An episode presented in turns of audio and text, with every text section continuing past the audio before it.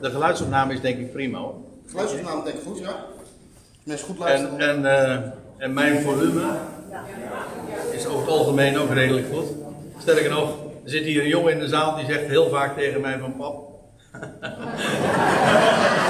praat, praat niet zo verschrikkelijk hard.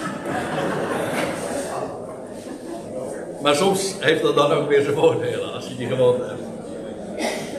Ja. Oké, okay. Nou dan gaan we de studie uh, hervatten. De studie waar we gisteren dus mee begonnen zijn onder het algehele thema van wakker en alert. En ik heb al erop gewezen dat dat vooral in het teken staat van uh, het naderende einde van, deze, van dit wereldtijdperk. Van deze aion, zoals dat in de Bijbel heet, of ook wel deze eeuw genoemd. En dan is het juist van belang om attent te zijn, om alert te zijn, om wakker te wezen. En dit keer wil ik het uh, dan hebben. In zekere zin is dit een wat afwijkende studie, omdat we nu niet analytisch, zoals het heet, uh, door een tekst heen gaan, maar ik wat dingen op een rijtje zet van bijbelse gegevens en in verband ook met de actualiteit. Uh, gisteravond, vanavond trouwens ook weer en morgenochtend ook weer, zullen we echt door, door bijbelteksten heen gaan. Dat is nu niet direct het geval. Maar, wees niet bang, uh, de verwijzingen naar de Bijbel zijn, zijn veel, zijn, zijn legio. Ja, precies. Dat woord zocht ik. Goed. Nog eventjes, uh, voor degenen die hier uh, niet waren, en misschien is het ook goed om eventjes erop nog te wijzen, wat we de vorige keer, gisteren de avond dus hebben vastgesteld, is dat de dag van de Heer, dat wil zeggen als Hij zal verschijnen, als Hij aanwezig, hij, zijn, zijn aanwezigheid zal uh, aanvangen, dat wil zeggen, en dat is in de eerste plaats, juist voor hen die vandaag worden uitgeroepen, de Ecclesia, ook wel de, het lichaam van Christus genoemd. Wel, die zal worden weggerukt uh, van deze aarde. Daar hebben we het gisteren over gehad, 1 Thessalonica 4, 1 Thessalonica 5. En dan zegt Paulus, dat zou ons niet overvallen als een dief in de nacht. En het idee daarbij is dat wij die leven bij het licht van het profetisch woord, van dat wat God gesproken heeft, geacht worden op de hoogte te zijn van de tijden en gelegenheden. Uh, God heeft namelijk al vele decennia, uh, millennia terug dat het zijne gezegd over hoe dat zou gaan tegen de tijd van het einde en dat er een hele transitie zal plaatsvinden naar de nieuwe aion waarin Christus zal heersen en zal regeren en ja, dat zal een, een totale overgang zijn. En wat daar vlak aan vooraf gaat, daar wordt in de schrift heel vaak over gesproken. En ja, degenen die bij dat licht wandelen, worden dus geacht op de hoogte daarvan te zijn. En die hoeven dan ook niet overvallen te worden door deze gebeurtenissen. En, dan heeft Paulus het vooral ook over het feit dat wij zullen worden weggerukt en dat we de Heer tegemoet zullen gaan. En dat staat in contrast met de wereld in het algemeen, degene die hem niet kennen, die juist in een hele euforische stemming dan zal zijn. En men zal zeggen, en dat is wat we uh, gisteren vooral vanuit 1 Thessalonica 5 hebben vastgesteld. Terwijl men zal zeggen, heel in een euforische stemming van vrede, zekerheid, dit is het, geweldig. Dan we, op dat moment weten wij dat de dag, namelijk dat wij hem tegemoet zullen gaan, de wegrukking. Uh, dat staat dan op het punt aan te breken. Nou, daar wil ik graag eens wat meer op inzoomen, maar dat doe ik niet nadat ik eerst eens uh, nog iets, nog wat meer uitzoom, en dat is uh, het unieke van de tijd waarin wij leven. Ik heb er vaker op gewezen, maar ik denk dat we nooit juist in deze dagen er ons genoeg van bewust kunnen zijn dat het zo bijzonder is om in deze tijd te leven. En dit is namelijk een hele unieke tijd. En dat heeft verschillende redenen. En ik wil een paar Ik ben niet uitputtend, maar ik wil een aantal van die redenen zeker dan ook genoemd hebben. En de eerste is een hele objectieve en eh, een chronologische reden. En die is ook heel simpel. Kijk, er is namelijk, het is namelijk zo dat er een termijn wordt, is bezig af te sluiten. Laten we het nu eventjes vrij algemeen houden, maar een termijn gerekend vanaf Adam tot aan nu, dat is pakweg 6000 jaar. Oftewel 6 millennia. Een millennium is dus 1000 jaar. En dat is heel markant. Ervan uitgaande dat u weet dat de Heer namelijk zo rekent dat voor hem is 1000 jaar als één dag. Dat betekent dus dat zes dagen, of 6000 jaren voor de Heer is als, een, als zes dagen. Oftewel, uh, dat betekent dat uh, daarna, als die termijn van zes dagen is afgesloten, dat de zevende dag gaat aanbreken. En, en dat wordt in de Bijbel ook genoemd, dat millennium dat nog gaat komen. Dat wordt ook de Sabbatsrust genoemd van het volk van God. En dat is al een van de aanduidingen ook van het Messiaanse Rijk dat gaat komen. Dat dan ook daadwerkelijk weer een millennium gaat duren. Daar hebben we het erg duidelijk over. Uh, die periode waarin Christus zal heersen op aarde. Uh, met harde hand moet ik er ook bij zeggen. Maar dat zal een geweldige tijd worden waarin Israël weer aan het hoofd van de volkeren zal staan. Dat is een periode van duizend jaar. En dat is de zevende dag. De dag die God voegen voor de mensheid. En die uh, van alles wil bereiken dan zegt God, en nu is het over. Nu is het stoppen. Eigenlijk het woord Shabbat betekent ook stoppen. Kappen. Het woord voor staken in het Hebreeuws, ook in het moderne Hebreeuws, is eigenlijk, dat, is, uh, dat heeft te maken met het woord Shabbat. staken, kappen, ophouden. En dat is uh, de gedachte, niet eens in de eerste plaats die van rust. Natuurlijk, als je kapt, dan, ontstaat er rust. Maar het idee is vooral, je houdt ermee op alle menselijke pogingen. Zes dagen zult gij arbeiden en de zevende dag is de dag van mijn rust. Dat is het Bijbelse idee. Maar dat betekent, om even weer bij de chronologie uit te komen, dat betekent dus dat 6000 jaren uh, zes millennia zijn. En die de aardigheid daarvan is dat die uiteenvalt in drie gelijke stukken. Als u het mij vraagt, zelfs heel precies. In ieder geval de afgelopen, of de eerste 4000 jaar. Ik heb daar ooit eens een keertje, maar dat is alweer jaren terug, maar op de website kun je daar eh, van goed bericht eh, kun je dat allemaal terugvinden. Ook artikelen daarover. Laten zien dat de periode van Adam tot Abraham 2000 jaar is. Als u mij vraagt, zelfs op het jaar nauwkeurig. En dan vervolgens breekt er vanaf Abraham weer een periode van 2000 jaar aan. Die weer van de geboorte van Abraham tot aan de uittocht uit Egypte is 500 jaar. Zodat de uittocht uit Egypte in het jaar 2500 plaatsvond. Oftewel het 50ste jubeljaar. Nou ja, uh, ik weet, nu kom ik in de verleiding om in de details te gaan. Maar dat ga ik niet doen. Maar als je dan vervolgens vanaf de, geboorte, vanaf de uittocht uit Egypte tot aan de, het jaar dat de tempel wordt ingewijd. Dat is weer 500 jaar. En en weer 500 jaar verder, dat is het jaar dat Kores het bevel gaf om aan Israël, om, uh, of aan het Joodse volk, om weer terug te keren naar het land en de tempel te herbouwen. En weer exact 500 jaar later, dat zou het jaar zijn dat de Heer stierf en opstond. Dat heeft te maken met die 70 jaarweken. Vier keer 500 jaar. Oftewel, dat van Adam tot Abraham, van Abraham tot Christus, 4000 jaar. En dat betekent dus uh, daarna nog een keertje 2000 jaar. Deze tijdsindeling is, dat is geen uitvinding van goed bericht of dat ik dat eens een keertje heb eh, bedacht of zo. Dit is al heel oud. Uh, zelfs de rabbijnen hebben hier al over gesproken. Zelfs voor de, dat is heel aardig, uh, zelfs voor onze jaartelling was deze tijdsindeling al bekend.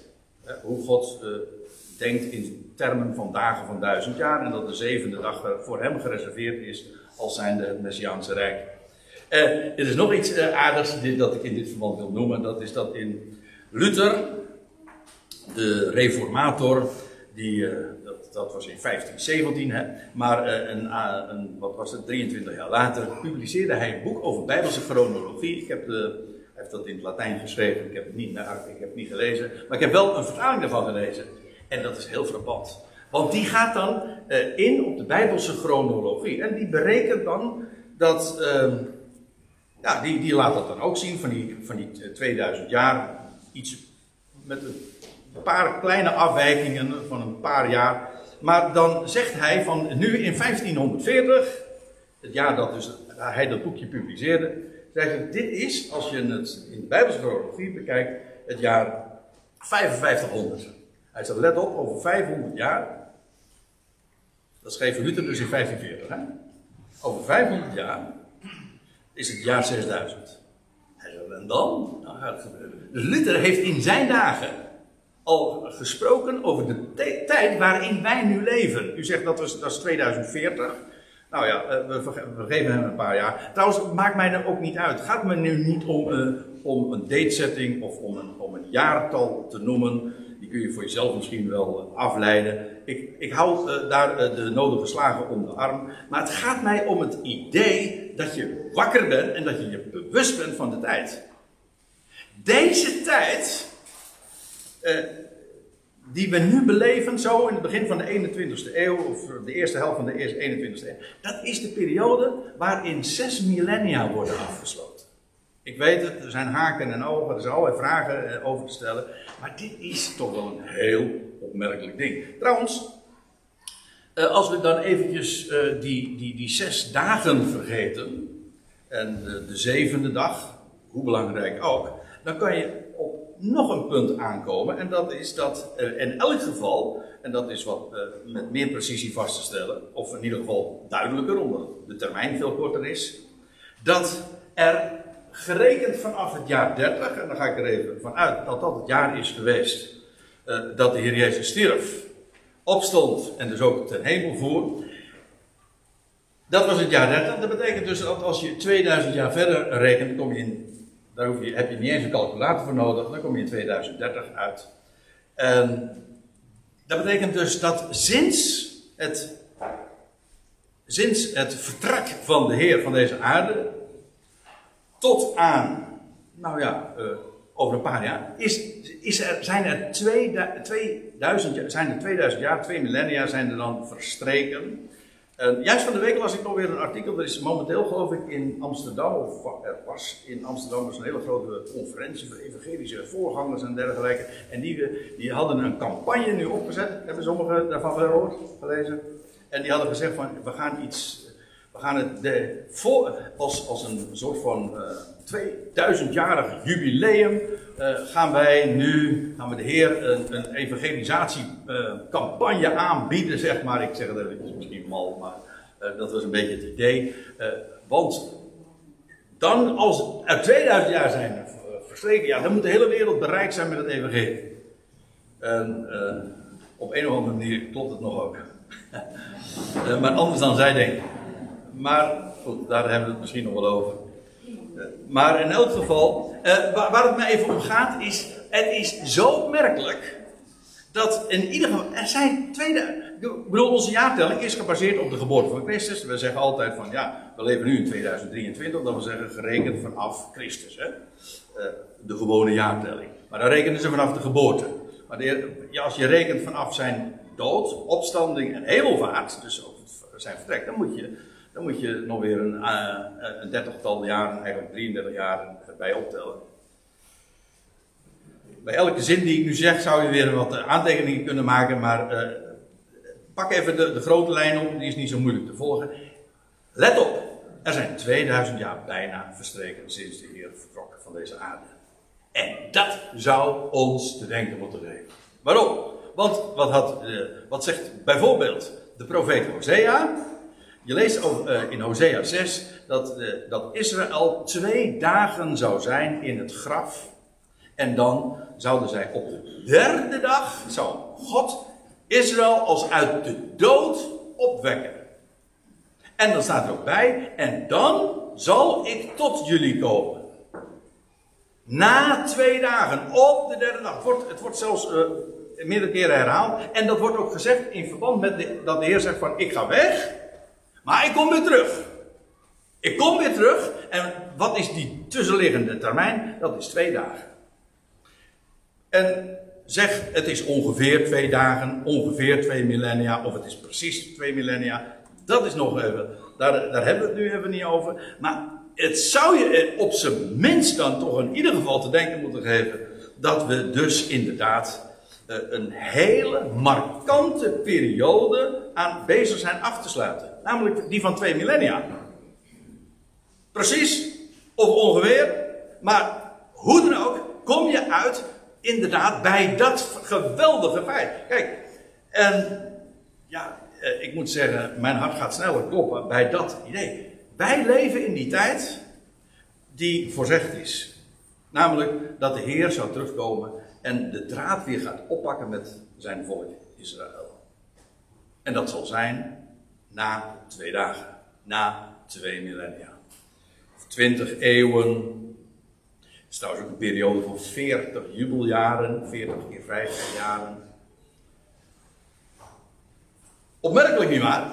Dit, kijk, dit is uh, heel. Uh, dit, is, dit is een feit. Dit heeft ook niks te maken. Dus, kijk, er worden wel eens een keer van die algemene termen gesproken over de terugkeer, over, over de eindtijd. En dan wordt er gezegd van, oh, dan lees je de krant en eh, over de, de, toename van criminaliteit of, over aardbevingen. En dan, zeggen ze, en dan hoor ik soms ook mensen wel zeggen van, ja, de, de, ernst geeft toch wel aan dat het nabij is. Maar laten we wel wezen, uh, uh, ik wil, daar, ik wil dat niet geringschattend zomaar terzijde schuiven. Ik zeg niet dat er helemaal geen betekenis aan verbonden is. Het is niet objectief. Want ja, aardbevingen zijn er altijd geweest, criminaliteit ook. En waar meet je dat? Kortom, er is heel veel op af te dingen. Dit is een chronologisch gegeven, daar, daar valt niks op af te dingen. In, op het eerste feit niet. Uh, dat namelijk er 6000 jaar verstreken zijn sinds Adam. En bovendien, en dat we nu bezig zijn een termijn af te sluiten sinds Christus heen gaan, namelijk van twee millennia, 40 jubeljaren, 20 eeuwen, whatever. Maar in ieder geval, die periode. En dan zou je moeten weten van, ja, maar nou gaat het dus gebeuren. Dat is de geweldige betekenis van de tijd waarin wij leven. Dit is dus objectief. Dit is een chronologisch gegeven. Die, gaat zich, die heeft zich niet eerder voorgedaan. En die gaat zich ook niet herhalen. Dat is uniek, juist aan deze tijd. Aan deze, als je in deze decennia mag leven. Ik zou zeggen, vraag het maar aan Luther nog even dan, eh, ben je, dan hoor je bij de happy few. Want ja, hoor eens eventjes, er zijn al vele generaties aan vooraf gegaan. En, en, en het is altijd uitgekeken naar die dag dat de Messias zal komen. En wanneer zal dat zijn? Wanneer zal dat zijn? Hoe lang nog, heren, staat er dan in de, in de psalm. Ja. Nou, ik zou zeggen, lieve mensen, van harte gefeliciteerd dat u vandaag mag leven. Dit is heel uniek. En daar doet zich nog een gegeven uh, voor. En dat ligt geheel in de lijn van wat ik zojuist heb gezegd. Dat, die, die twee harde chronologische gegevens. En dit is iets wat uh, te maken heeft met wat je vooral kunt traceren in de afgelopen eeuw. En dat is dat in het boek Handelingen, in Handelingen 3, lees je dat Petrus spreekt over het herstel van alles waarvan de profeten hebben gesproken. De reconstructie van dat waar de profeten van spraken. Uh, de, het, om, om even een, een, eh, een beeldspraak te gebruiken. Het is net alsof al die landen waarvan de profeten hebben gesproken. Waar spraken de profeten over? Die spraken over Filistee, over Asser, over Libanon, over Egypte. En over Edom en over Ammon. En, nou ja, en over, over Jeruzalem. Al die, al die uh, landen, al die uh, doelgroepen uh, en landen waar de profeten zeg maar, zich op richten. Al die landen zijn sinds de laatste eeuw weer op de kaart gezet. Nadat ze duizenden jaren verdwenen zijn. En het is net alsof al die stukken op het, die ooit in de dagen van de profeten op het schaakbord stonden. Ze zijn vervolgens van de kaart gegaan en er werden kolonies van allerlei landen of van wereldrijken, maar afzonderlijke landen bestonden niet meer. En duizend jaren waren ze er niet. En wat maken we de laatste eeuw mee? Al die stukken op, worden weer op het schaakbord gezet. Al die landen, al die steden ook, die, waarvan, die zo'n grote rol spelen in, in de Bijbel, in de dagen van de profeet, ze komen allemaal weer tevoorschijn. Apocalyps, het komt weer tevoorschijn. Het is, ze worden weer onthuld. Dat is, dat is eigenaardig. Maar dat is, laten we wel wezen, dat is precies wat je had mogen verwachten. Als je ervan uitgaat dat de termijn verstrijkt. Ja, dat betekent dus dat tegen het, tegen het moment dat die termijn verstreken is, ja, dat, de, de, dat aan de andere voorwaarden dan ook voldaan moet zijn. Namelijk dat gewoon al die spelers weer op, op het bord staan, als u begrijpt wat ik bedoel. Die moeten er dan weer zijn. Want de aardigheid is dat de Bijbel inderdaad zegt uh, hoe het zal zijn in de dagen van het einde. En al die landen die waarvan de profeten ooit spraken, die zullen er dan ook weer zijn. Dus die moeten weer op de kaart gezet worden. En wat zien we dan?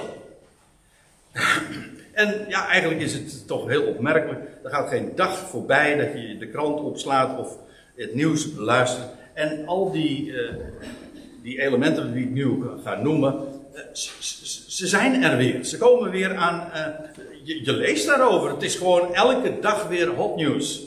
laat, ik eens, laat, laat ik even een, op een rijtje zetten om het gewoon heel concreet te maken. In 1922, dat is inmiddels dus ruim een eeuw geleden, toen kreeg je weer Egypte. Ik weet niet exact hoe lang er geen sprake is geweest van een afzonderlijk land Egypte, maar dat is heel lang geweest. En in 1922 was het weer zover. Toen uh, kreeg je weer dat land waarvan, uh, die, waar, ja, die ons zo bekend was, uh, al vanuit de Bijbel, namelijk Egypte.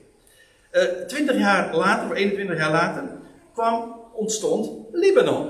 Weer als een afzonderlijk land. Ja, uh, wij kenden Libanon als een afzonderlijk land al heel lang, namelijk vanuit de Bijbel. Maar al die twintig eeuwen, ik, ik, uh, ik generaliseer wellicht, ik weet ook niet exact, maar twintig eeuwen waren, was er geen sprake van Egypte, was er geen sprake van Libanon. En toen ineens, in die twintigste eeuw, waren ze er weer. En Egypte, een jaar of wat later kwam Libanon, nog weer een jaar, drie jaar later stond Syrië weer op de kaart. En nog weer, nee, datzelfde jaar ook Jordanië. Of met als hoofdstad Amman. Maar die kennen we al van Ammon. Is gewoon, Ammon, of Amman is afgeleid van Ammon. En dat, dat is de hoofdstad dus van dit land.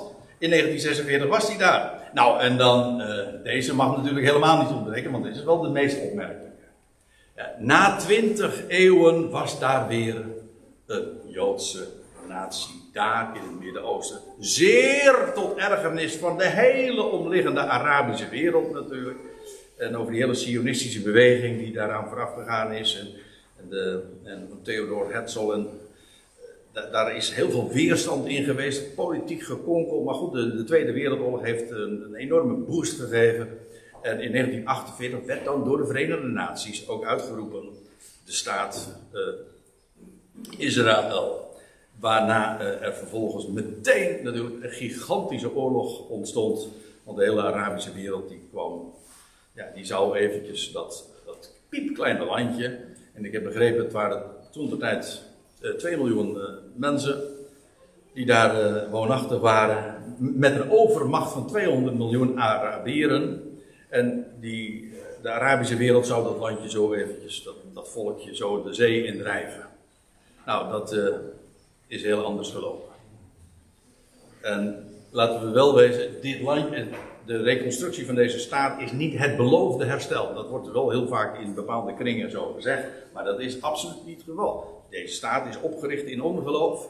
En er zijn vele Joden ook. Die zeggen van dit is, geen, dit is niet wat God beloofd heeft hoor. Dit is eigenmachtig vooruitgrijpen. In, in eerste instantie moesten de, ook de orthodoxe Joden, degenen die echt heel erg geloven in de Hebreeuwse profeten, moesten er niks van hebben. Want die hadden, die hadden gedacht, God, God brengt ons weer terug. Dat doen wij niet zelf.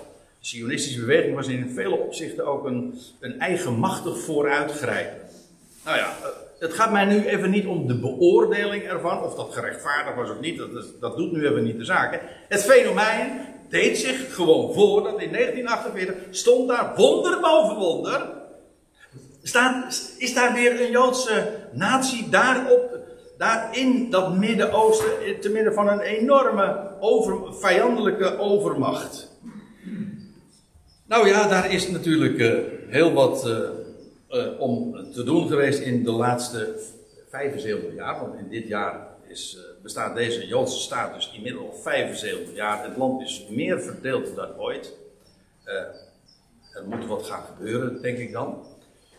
Hou me vast. Ja.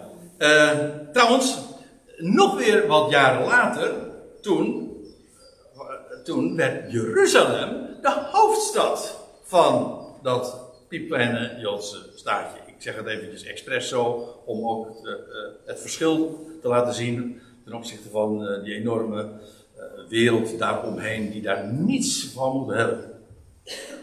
Maar Jeruzalem werd eh, de hoofdstad van. eh,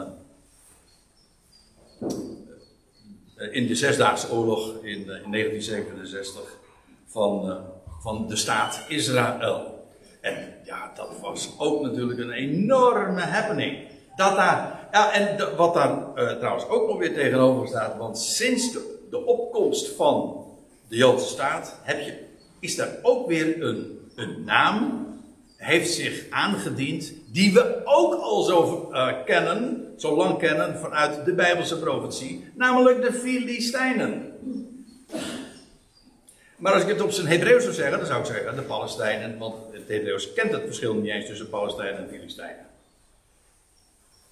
Dus dat betekent dat we gewoon weer die, die grote tweedeling van aan de ene kant Israël en aan de andere kant de Filistijnen en die enorme controverse, die, dat gigantische conflict tussen beiden, ja, dat is actueler dan ooit. En in feite, men zegt wel, het hele Midden-Oosten conflict heeft alles te maken met, met, met dit conflict hè, van Israël en de, en de Palestijnen. Nou, daar is weer een Palestijnse staat, eh, mede door toedoen voor de, vooral deze eh, Yasser Arafat, eh, is daar ook weer op de kaart. Dus is dat niet hoogst opmerkelijk? Dat daar weer inderdaad de Palestijnen zijn, overigens die met name ook geconcentreerd zijn in de streek van de Gazastrook, waar de Filistijnse steden trouwens zich destijds ook bevonden. De vijf Filistijnse eh, de Filistijnse steden als Gaza, Askelon en dergelijke. Heel opmerkelijk. Wat ik er eigenlijk mee wil zeggen is, het is toch hoogst opmerkelijk. Voor iedereen die gewoon daar, eh, zelfs los van de Bijbelse profetie, daartegen aankijkt. Dat alles waarvan, al die namen die we kenden uit de Bijbelse, oude Bijbelse tijd, dat ze zomaar weer in, de, in een moderne variant, in één eeuw, allemaal weer met dezelfde rollen ook weer op de kaart gezet zijn. Voor één categorie mensen is dat niet opmerkelijk. Maar, en dat is voor hen die wisten dat het zou gaan gebeuren. Die slechts daarin bevestigd werden van ja, dat wisten we toch al dat het zou gaan gebeuren. Ik heb, eh, ik heb een boekje in de, in de kast staan, thuis, eh, van Voorhoeven. Die zich ook eh, een Nederlander, de overgrootvader van de toenmalige minister van Defensie. Maar die man die schreef ooit een boekje over de, de toekomst des heren. En die schreef daar al over. Het is geloof ik uitgegeven ergens in de jaren 70 van de 19e eeuw. Dus 1870, 71, 72. En die schreef al over van ja, er zal eerst weer in ongeloof een Joodse staat komen. En al die landen die gaan weer een rol spelen. En hij excuseert zich min of meer voor het feit dat eh, hij niet weet hoe dat zal gaan. Zo van, ja, hoe- dat zal gaan, weet ik ook niet. En wat, hij, hij maakt zich dan ook niet schuldig aan speculatie van het zou wel eens zus of zo. Eh, dat vind ik trouwens helemaal op zich niet zo'n probleem. Als je maar zegt dat het speculatie is, dan, dan eh, dat, eh, dat verzacht in ieder geval heel veel. Maar eh, wat ik ermee bedoel te zeggen is, hij, hij geeft al aan van, de Bijbel zegt dat het zo zal gaan gebeuren. Sorry, ik weet niet hoe, maar de Bijbel zegt het, dus het zal zo gaan gebeuren. En wat hij daar schreef toen, in die tijd, ja, inmiddels is, is het allemaal gesneden koek voor ons. Wij voor ons is dit zo vanzelfsprekend, inmiddels in de 21ste eeuw. Ja, het is allemaal, het heeft zich zo voltrokken. Dat is toch bijzonder? Dat is zo. Uh, maar voor degenen die uh, het profetisch woord kennen en die weten van ja, de schrift spreekt erover met de nodige uh, restricties, met de slaven om de arm. Natuurlijk, je kan altijd je vergissen in, in het verstaan van een Bijbelgedeelte, dat het net iets anders is of helemaal anders dan dat je dacht. Oké, Hou dat ook in gedachten, ook dat is nuchterheid. Maar niettemin dat je zegt van ja, dus er staat geschreven, dus het zal geschieden. Dat is het. En dan kun je, en dan kan de vreselijk uh, enorme uh, theologische, academische bezwaren zijn. En zeggen, ja sorry, maar er staat geschreven, dat is het. En zo zal het zijn. En, uh, en zo is het ook gegaan met de Palestijnen. En dan moet ik er nou nog iets opmerkelijks bij zeggen. En dat is dat we nu ook weer eh, nog een speler zich sinds kort aandient. Heel prominent. En dat is Edom. En dat is, uh, je hebt, uh, daar wordt momenteel hard aan gebouwd. En dat project wordt genoemd Project 2030. Waarvan akte. Uh, namelijk, daar wordt een supermodern land neergezet. Eigenlijk, het maakt deel uit van Saoedi-Arabië. Het is een Saoedi-Arabisch project. Ze hebben daar nogal wat centjes, dus uh, daar wordt niet op uh, een paar euro of uh, dollar gekeken. Trouwens, over die munten, daar is sowieso al heel veel te doen. Maar geld genoeg, dat is olie trouwens ook. maar daar wordt weer een land neergezet. En dat is in het gebied inderdaad van Edom. En dat heet Neom. En daar wordt een, een, een supermoderne stad neergezet.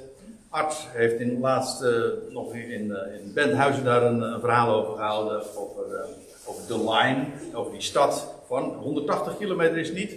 Die, waarvan dat, dat project is nu dus bezig opgezet te worden. En dat moet dan al in 2030 voltooid zijn.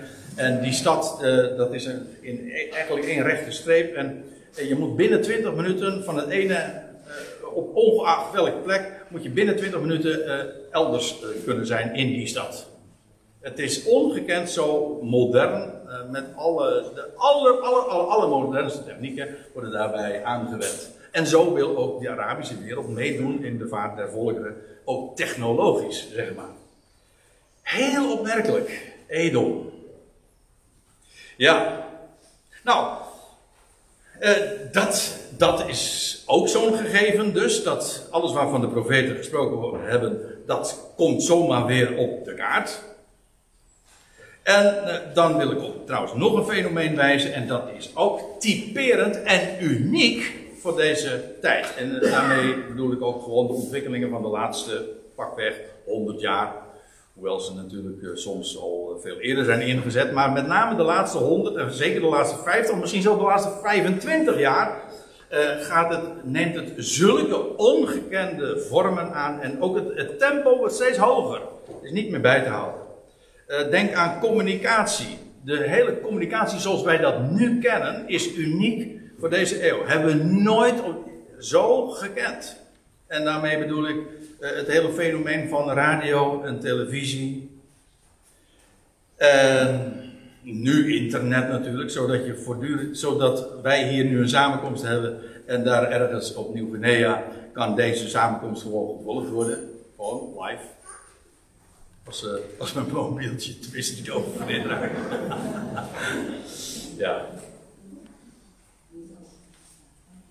Maar dat, zijn, uh, dat is ongekend. Dat is ongekend. Dat, ik bedoel, uh, 40 jaar geleden was het, was nog een heel dingetje. Als je naar Canada kon bellen, weet je wel. En dan moest je, dan moest je kapitaal neertellen om, om vijf minuten met iemand te telefoneren, een familie die in Toronto woonde. En nu zet je de computer, ga je Skype en dan kun je urenlang met elkaar praten en communiceren. Je ziet elkaar voor niks. Het is allemaal. Het is ongekend. Die, die, de communicatie is ongekend. tegelijkertijd moet ik er ook weer bij zeggen: wordt slechter gecommuniceerd dan ooit. Ja, het, dingen zijn in het leven soms zo dubbel. Ja. Maar als daar bijvoorbeeld in openbaring 11 vers 9 staat, dat was altijd een ding hè. Want dan, lees je over, dat, ik, ik had gisteravond al even over die periode van 1260 dagen. Eh, je leest dat in die periode dat daar dat afgodsbeeld is, er zijn er ook twee getuigen die daar zullen profiteren. 1260 dagen. Dat, is een, dat zal een doorn in het oog zijn van de heersende machten, maar ze zijn onaantastbaar. Totdat aan het einde van hun profiteerperiode worden ze gedood. En, en, en, hun lijken zullen dan liggen op, op het tempelplein. Gewoon heel concreet nu, hè? Jeruzalem. Daar tempelplein zullen dan twee, de lijken liggen van twee mannen die daar 1260 dagen hebben geprofiteerd. En dan lees je, en de hele wereld zal het zien, en ze zullen elkaar geschenken geven, zo cadeautjes van jongens, gefeliciteerd, van die gasten zijn we af. Want, nou ja, waarom zo doet nu niet de zaak. Maar het gaat mij even om het punt, de hele wereld zal het zien. Hoezo? De hele wereld gaat het zien. Kijk, voor ons, als wij dat openbaring 11 vers 9 zo lezen, zeggen we ja, de, uh, natuurlijk.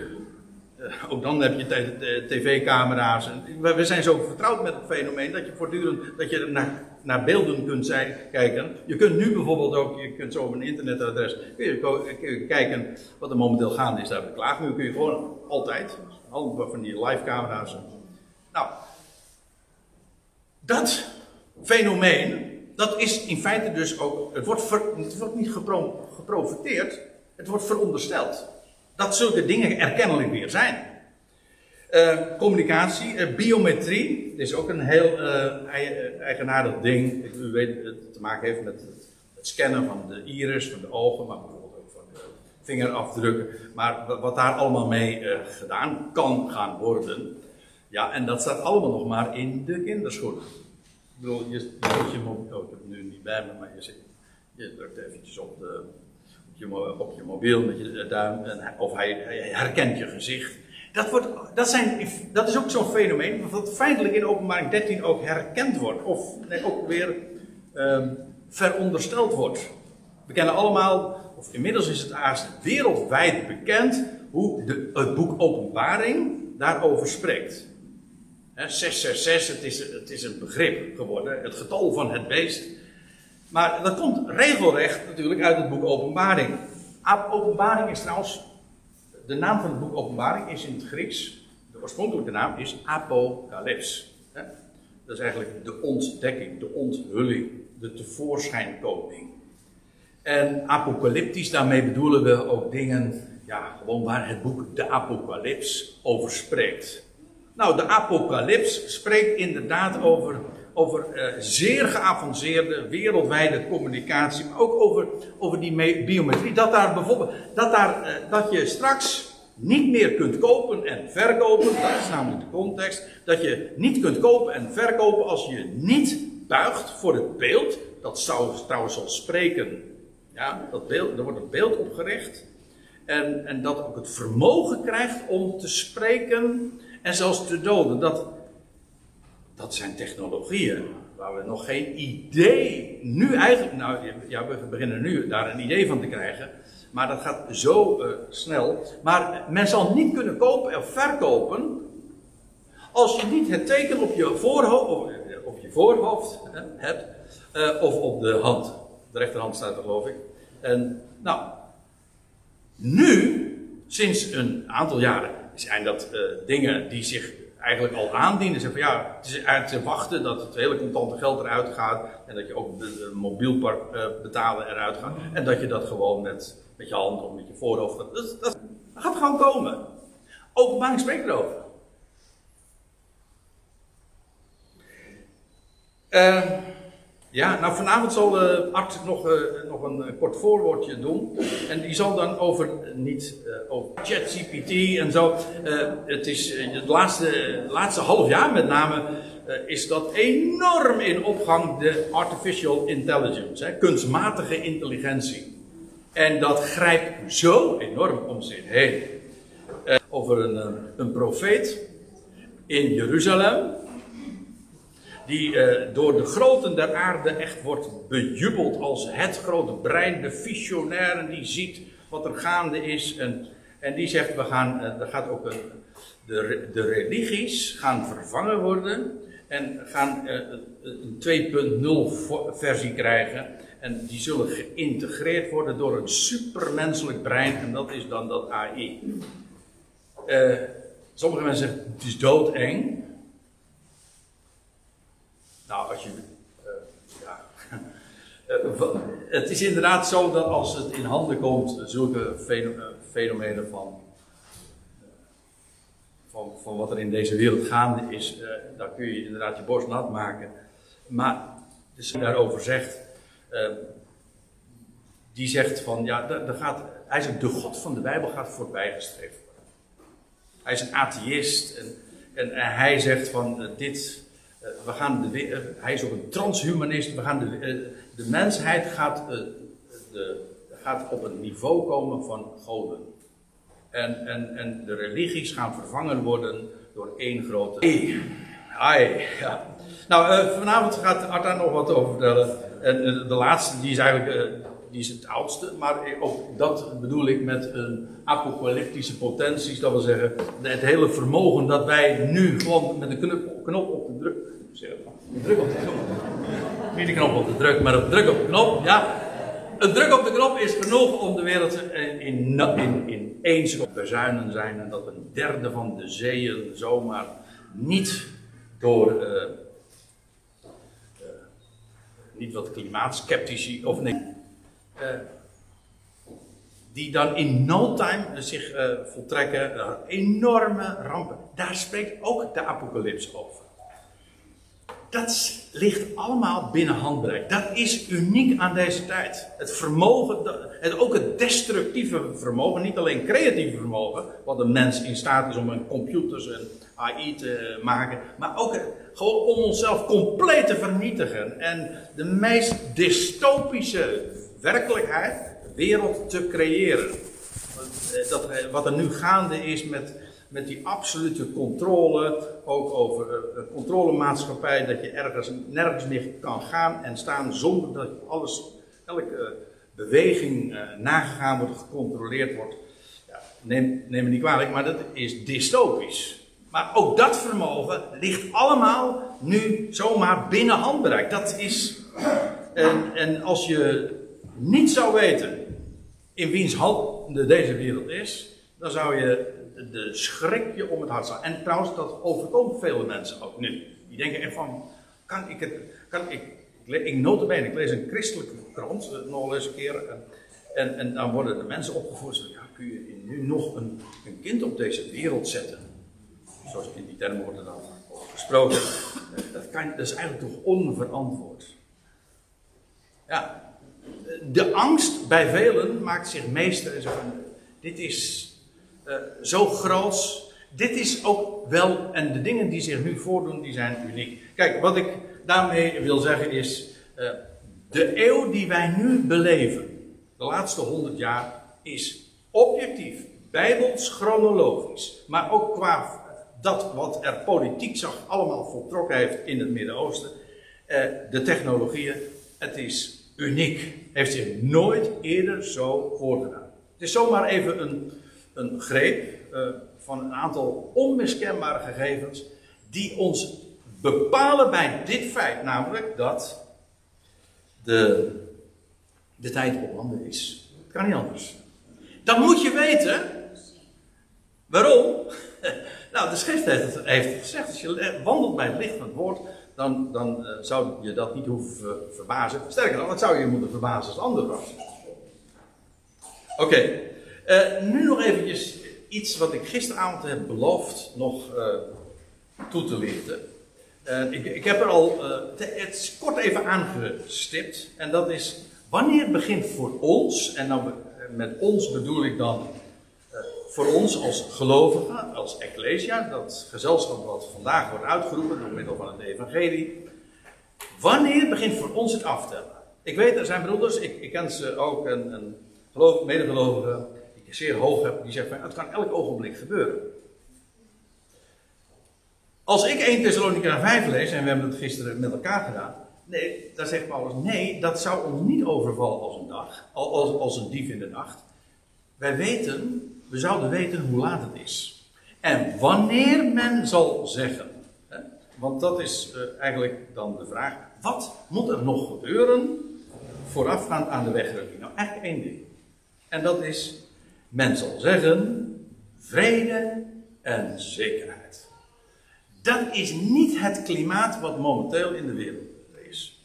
En ik zal u dat ook, wil dat concreter maken. Want wat bedoel ik met die tijd van vrede en zekerheid?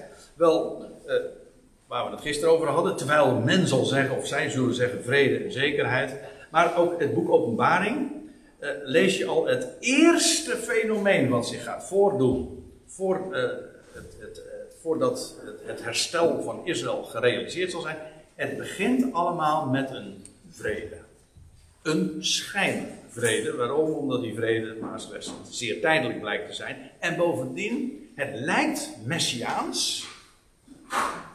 Die ruiter op het witte paard in openbaring 6 lijkt als twee druppels water op de Messias. Die ook de ruiter op het witte paard heet. Ja, wij kennen ook nog andere ruiters op een witte paard natuurlijk. dan zeggen we dat is Sinterklaas, maar dat, die bedoel ik niet. Maar ik heb het over de ruiter op het witte paard, die inderdaad de vrede zal brengen. En ja, wie is dat? En dat, trouwens, dat is alleen, dat is alleen maar logisch als, uh, als dat fenomeen gaat zich voordoen in een tijd van oorlogsdreiging. Dus je mag eigenlijk verwachten, voordat die, voordat die uh, fenomenale, euforische vrede zich zal aandienen, uh, dat dat juist in een context zal zijn dat er heel veel dreiging zal zijn. En ik moet zeggen, dat laatste zien we wel. En sterker nog, dat neemt toe. En ja, uh, wie is dat? Of moeten we niet zozeer aan een persoon denken als wel aan een fenomeen? Uh, dat er, er, er, zal vrede ontstaan. Laat ik nog, nog iets, laat ik een aantal concrete dingen noemen waar de schrift over spreekt. Oké, vrede in het algemeen kun je zeggen van, zal de, de oorlog in Oekraïne bijvoorbeeld worden op een fenomenale manier worden beëindigd. Ik? De, de oorlog in uh, Oekraïne. Ja. Ik bedoel, dat is momenteel de oorlogsdreiging. Ik weet het, dat is ook weer een momentopname. Wat, maar aangezien het allemaal zo, uh, je mag verwachten dat het aanstaande is, uh, wat gaat er gebeuren? Wie, wie, gaat daar een einde aan maken? Aan die oorlog. En, zodat, en daar gaat nog iets gebeuren. En dat is waar de Bijbel volstrekt helder over is. Namelijk dat er op het tempelplein in Jeruzalem, en dan blijf ik er even vanaf waar dat tempelplein precies gesitueerd moet worden. Of dat precies op deze plek is, of dat het ietsje eh, meer richting uh, deze kant gaat, naar links zeg maar. Uh, dat laatste denk ik. Maar in ieder geval hier, in deze stad, gewoon met dit aanzicht. Daar zal weer een Joodse tempel verrijzen. De Bijbel is er volstrekt helder en ook weer een offerdienst komen. Gek genoeg, de Bijbel profiteert niet zozeer dat die offerdienst er weer zal komen. De Bijbel profiteert gewoon, die offerdienst zal er zijn. Maar aangezien die er nu niet is, zeggen wij, die moet er dus weer komen. He? 1, 1 is 2. Dus die moet er gewoon die, er zal weer een offerdienst zijn. Waarom? Nou, de Bijbel zegt namelijk dat uh, er een, die offerdienst zal op een gegeven moment plotseling worden afgebroken. En dan zal in die Joodse tempel, die overigens al helemaal klaar ligt, daar hadden we het al even geloof ik over, hè, alles, alles ligt er klaar. Zelfs, zelfs de rode vaars die geofferd moet worden, die, die, die staat al te trappen, om zo te zeggen. En alle stenen en alle attributen, zelfs de priesters, zelfs de klassen en alles ligt al klaar. Ook de mensen die dan in dienst moeten gaan doen, dus ze staan allemaal te trappelen van. En eigenlijk het wachten is op het signaal. Dat dat er kan gaan gebeuren. Er moet een vrede, er moet een vrede komen, een, een, situatie ontstaan waardoor zij inderdaad daar die tempel kunnen bouwen en waardoor er een offerdienst kan komen. Maar het, wat de Bijbel voor zegt, is dat die offerdienst zal worden gestaakt, plotseling, en dat is het begin van de grote verdrukking. Maar uh, ja, die offer, eigenlijk, dat is waar uh, ik vooral ook aan denk, als we het hebben over de wegrukking. Want die wegrukking, daar hadden we het al over, dat valt samen, gaat Paul voor, ah, eh, zal Paul worden. Nee, de wegrukking die vindt plaats. Eh, Paul aan het staken van die overdienst. En als de mens der wetteloosheid zich gaat zetten in die tempel. En dan, dat is ook het, meteen het begin van de, van, de, van de grote verdrukking. En dan zal er een afgodscultus komen. En, die gaat, en dat is waar ik het net ook over had. Dan wordt er een beeld daar op, op dat tempelplein gezet. En men zal dan in het Joodse land. wordt daar echt uh, ook die afgoderij dwingend opgelegd. En alleen degenen die tijdig gevlucht zijn naar de woestijn. die zullen dan daar bewaard worden. Maar. Uh, en. er is ook nog een categorie. en die wordt ook bewaard. namelijk die mannelijke zoon weggerukt wordt. En ik excuseer me nu even voor degene die niet helemaal begrijpen waar ik het nu over heb. Dan moet je nog eens een keertje andere studies erover navolgen. Maar, en dan, hier op deze plaats, komt daar, eh, wordt de offerdienst, de tempeldienst wordt vervangen en er wordt een afgod neergezet. Op een uh, hoog technologisch niveau. En degenen die daar niet aan meedoen, die kunnen niet kopen en verkopen. En de aardigheid is dat die profeet in Jeruzalem, waar ik het zojuist over had, en die nu bejubeld wordt door de groten der aarde, uh, die, die, die spreekt al over deze dingen. Over, uh, en, die, en die bejubelt ook de technologie die, zeg maar, die dat allemaal mogelijk maakt. Ik bedoel eigenlijk, ik noem expres ook zulke namen. En, uh, juist gewoon omdat. ze, ze, die gast was trouwens laatst ook in, nog in Nederland. Ik noem hem niet zo heel erg hoogachtend, die gast. Sorry? Ja, die gast, ja. Uh, want, maar hij, hij, wordt, uh, hij wordt bejubeld. En waar, ik, waar ik dan ook weer attent op maak, zeg, wees alert. Als zulke mensen die zo bejubeld worden door. en ook door, door de echte allergrootste, de, de, breinen zeg maar achter het wereldgebeuren, die zoveel, die de lijntjes dan, tenminste dat denken ze, in handen hebben. En touwtjes in handen hebben. Allemaal zo als, uh, als puppet bedienen, zeg maar. Als dit, dit, deze geluiden vernomen worden, je leest in het nieuws, wees alert. Je zou je ervan bewust zijn van dat dit exact overeenkomt met dat wat we profetisch mogen verwachten. Met de nodige voorzichtigheid, ook dat is nuchterheid. Maar weet, deze dingen gaan gebeuren.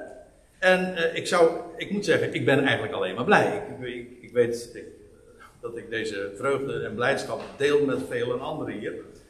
Uh, waarom? Omdat je weet van, ja, je hoort in al die ontwikkelingen de voetstappen van hem die nadert. Aha, hij komt eraan, hij komt eraan. En uh, be alert, wees wakker en waakzaam. En er gaat nog iets gebeuren, nog een concreet dingen waar ik het nu over heb, over die offerdienst die gestaakt zal worden. Maar, uh, er zal dus weer een offerdienst komen. Zolang die offerdienst er niet is, verwacht ik die wegrukking ook nog niet. Want het zal zijn in de tijd dat iedereen zal roepen: vrede, zekerheid. Nou, dat is nu nog niet aan de hand, maar gaat komen. Dus, maar er gaat tegelijkertijd ook iets, nog iets anders uh, uh, zich voltrekken. En dat is dat daar aan in de tijd van het einde nog een, een tien statenbond. Zo noem ik het even, dat is geen direct Bijbelse term. Maar in ieder geval dat tien koningen de handen in één gaan slaan en die zullen een verbond gaan sluiten. Het wordt één rijk. En die zal opkomen in het Midden-Oosten. Zoals het Babylonische Rijk, het Medo-Persische Rijk, het Griekse Rijk hebben allemaal in die contraien hun macht gehad. En ook dat laatste wereldrijk van deze Aion, van deze boze Aion, zal weer in het Midden-Oosten zich gaan aandienen. En ja, er waren al uh, tot voor kort uh, waren er hele wonderlijke aanzetten al daartoe in het Midden-Oosten dat de een na de andere land vrede ging sluiten met de Joodse staat. Er waren al vijf, zes gegaan. Saudi-Arabië staat eigenlijk ook op het punt.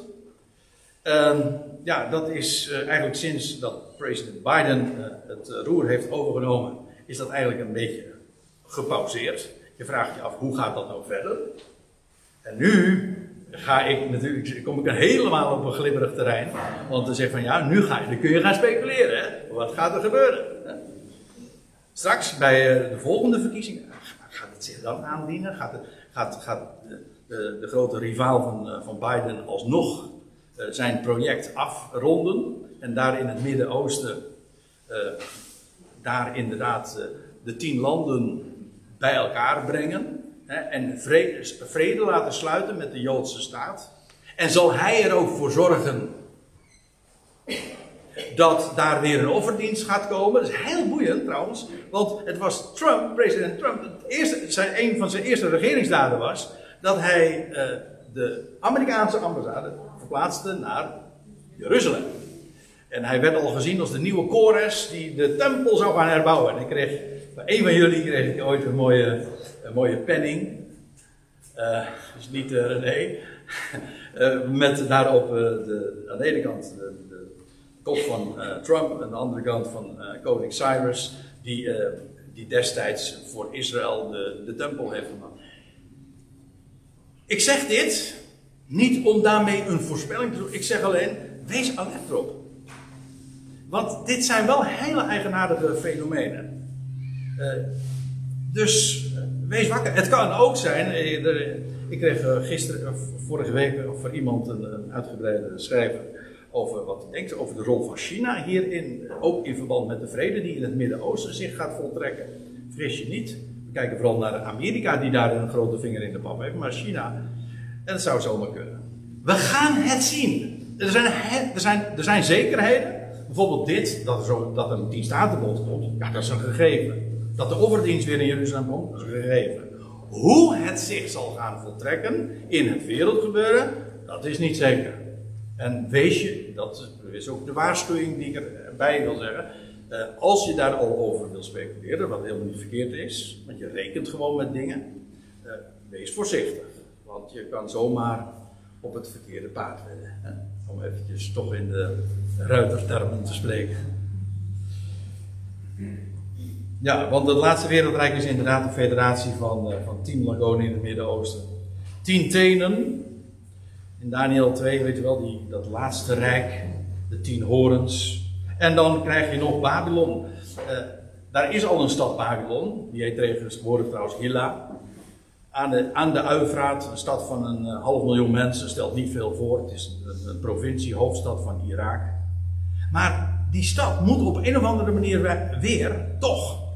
Uh, daar gaat een huis gebouwd worden, om in de termen van Zacharia 5 te spreken. Daar gaat een huis gebouwd worden, er gaat een gebouw komen dat een hele belangrijke functie gaat krijgen. Het wordt, uh, en als ik dat in Zacharia 5 lees, in openbaring 17, 18, dat gaat een wereldhandelscentrum worden. Dus op een of andere wijze komt daar in het Midden-Oosten weer, in de stad Hilla, een wereldhandelscentrum. En dat wordt ook de hoofdstad van dat rijk. Als u zegt van, nou, ik er nog weinig van, dan zeg ik ook niet. Maar uh, ook met de nodige uh, voorzichtigheid, ook uh, uitlegkundig, zou het misschien toch niet iets anders zijn. Altijd, we, wees je altijd bewust van de, van bepaalde marges en van onzekerheden. Maar niettemin, Babylon zal dat Zoals ooit deze Aion begon bij de stad Babylon. En zoals Babylon in, het, in allerlei rijken, in drie wereldrijken, een, een hoofdrol heeft gespeeld. Zal het laatste wereldrijk ook Babylon weer een hoofdrol spelen. De Bijbel zegt het. En als wij nu zeggen van ja, maar ik zie dat nog helemaal niks van. Nee, dan zeg nou ja, uh, we wachten af. Maar, wees wakker en. Ja, Babylon daar aan de Uivraat. En, de eigenaardigheid van die stad. En dat klinkt wat cryptisch. En ik heb daar wel, we hebben daar wel. Het wordt een verlengstuk. En het wordt een Joodse stad. Daar in de Irak. Uh, mede door het, de rol van het geld. Je leest het in Zachariah 5. Zal daar een dependance komen van de Joodse staat. En die de hele regio, de Midden-Oosten-regio, gaat regeren. Of, of dat allemaal zich ook al zal voltrekken voor die wegrukking, dat is, staat te bezien. Maar wat niet staat te bezien, is dat daar een periode van geweldige vrede zal gaan komen. En als dat er zal zijn in Jeruzalem, daar in de, regio van het Midden-Oosten, dan, als iedereen zal zeggen: Dit is het, dan gaan we aftellen. Hoeveel trouwens, dat, uh, hoe lang die periode gaat duren, weet ik niet. Sommigen weten precies, die zeggen: Oh, dat is 3,5 jaar, dat weet ik helemaal niet zo zeker. Uh, maar goed, dat is nog een ander ding. Maar in ieder geval, het zal een korte periode zijn. En dan, ja, juist dan weten wij van het gaat, het is zeer aanstaande. Kortom, en dat moet de afdronk zijn van deze, van deze Bijbelstudie, toch in elk geval. Wij leven in ongekend spannende, boeiende, heerlijke tijden. Ook, ook hele verwarrende tijden, dat weet ik. En tegelijkertijd, hef je hoofd omhoog, want uw verlossing genaakt, om met uh, een ander Bijbelwoord te spreken. Zullen we het daarbij laten voor van morgen?